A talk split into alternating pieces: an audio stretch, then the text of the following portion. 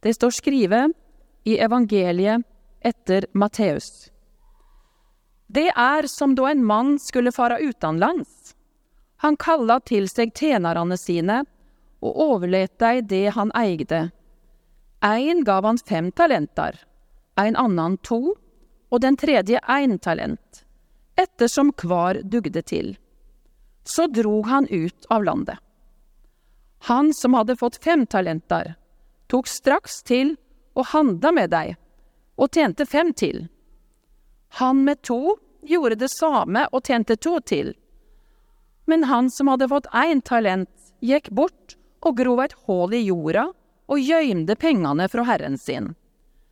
Da hadde gått ei lang tid, kom herren heim att og ville holde rekneskap med tjenerne sine. Han som hadde fått fem talenter, kom fram og hadde med seg fem til og sa, Herre, du ga meg fem talenter. Sjå, jeg har tjent fem til. Da sa Herren til han, Bra, du, jo, du gode og trugne tjener. Du har vært tru i lite, og jeg vil sette deg over mykje. Kom inn og gled deg i lag med Herren din. Så kom han med to talenter fram og sa, Herre, du ga meg to talenter. Sjå, jeg har tjent to til. Bra, du gode og trugne tjener, svarer Herren. Du har vært tru i lite, jeg vil sette deg over mykje. Kom inn og gled deg i lag med Herren din. Han som hadde fått én talent, kom òg fram og sa, Herre, jeg visste at du er en hard mann, som haustar der du ikke sådde, og sankar der du ikke strødde ut. Derfor vart jeg redd og gikk bort og gjøymde talenten din i jorda. «Så her har du ditt. Da sa Herren til han, Du dårlige og late tjener. Du visste at jeg haustar der jeg ikke sådde, og sankar der jeg ikke strødde ut. Da burde du ha gjeve pengene mine til deg som driver med utlån. Så hadde jeg fått dei att med renter når jeg kom heim. Ta de for talenten fra han, og gjev han til den som har tid. For den som har, han skal få, og det i overflod. Men den som ikke har, skal bli fråteken jamvel det han har. Kast den duglause tjeneren ut i mørket utenfor, der de gret og skjær tenner. Slik lyder det heilage evangeliet. Håper det ikke blir for mye prat til barnefamiliene. Men sånn er det litt i kirka. Vi er ord. Som vi akkurat har hørt i evangelielesinga, så snakker Jesus til disiplene sine. Det er avslutninga på en to kapitlers tale som sannsynligvis har blitt holdt på Oljeberget. Nå er det kun disiplene Jesus gir sin siste undervisningstid til. Det begynner å bli alvor. Han formidler dem et vondt budskap. Tempelet skal rives.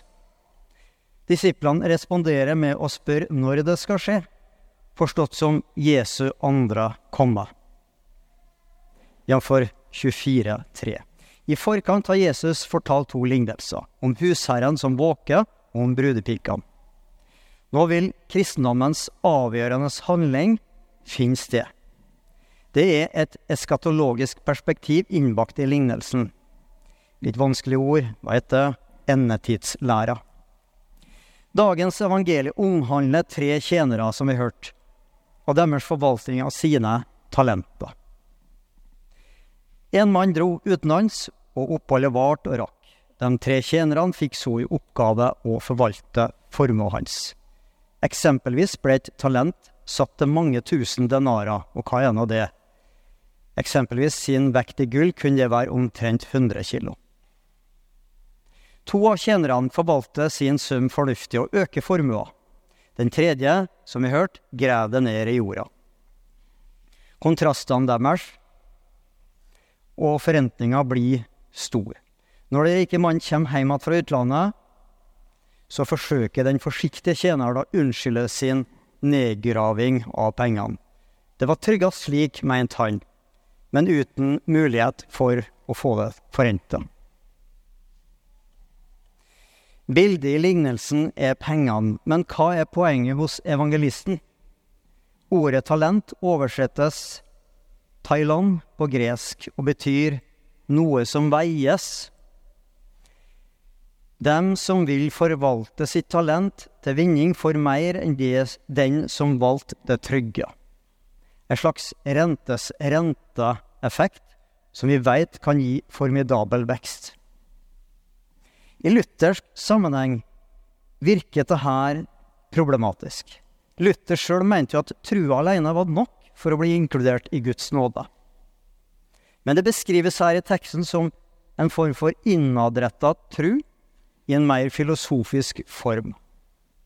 Det kan være en feiltolkning fordi å ha trua, som vi sier, vil også bety å leve ut sine talent i handling til det beste for dem rundt oss, gitt egne forutsetninger.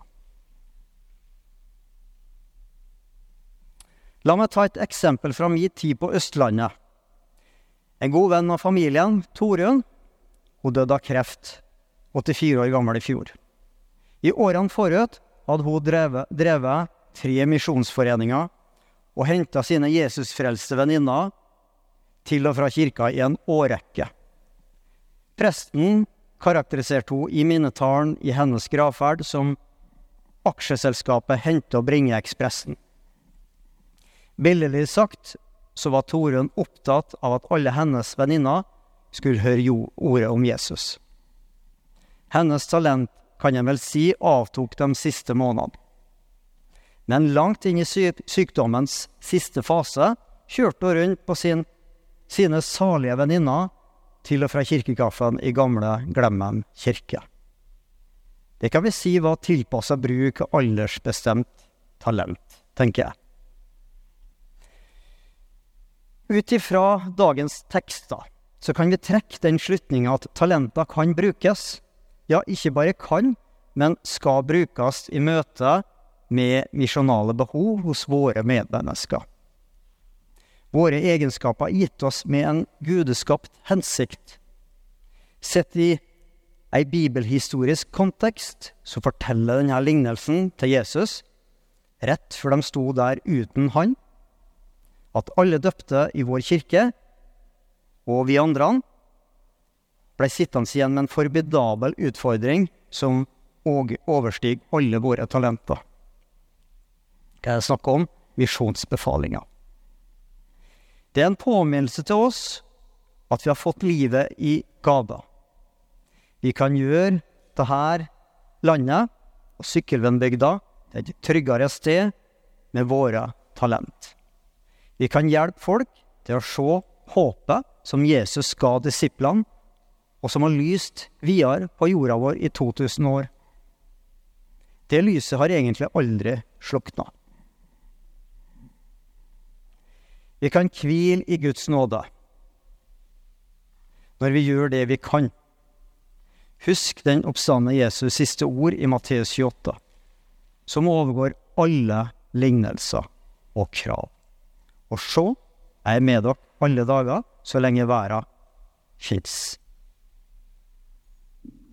Ære være Faderen og Sønnen og Den hellige ånd, Ande, som det ba i opphavet, så nå og alltid og i all evighet. Amen.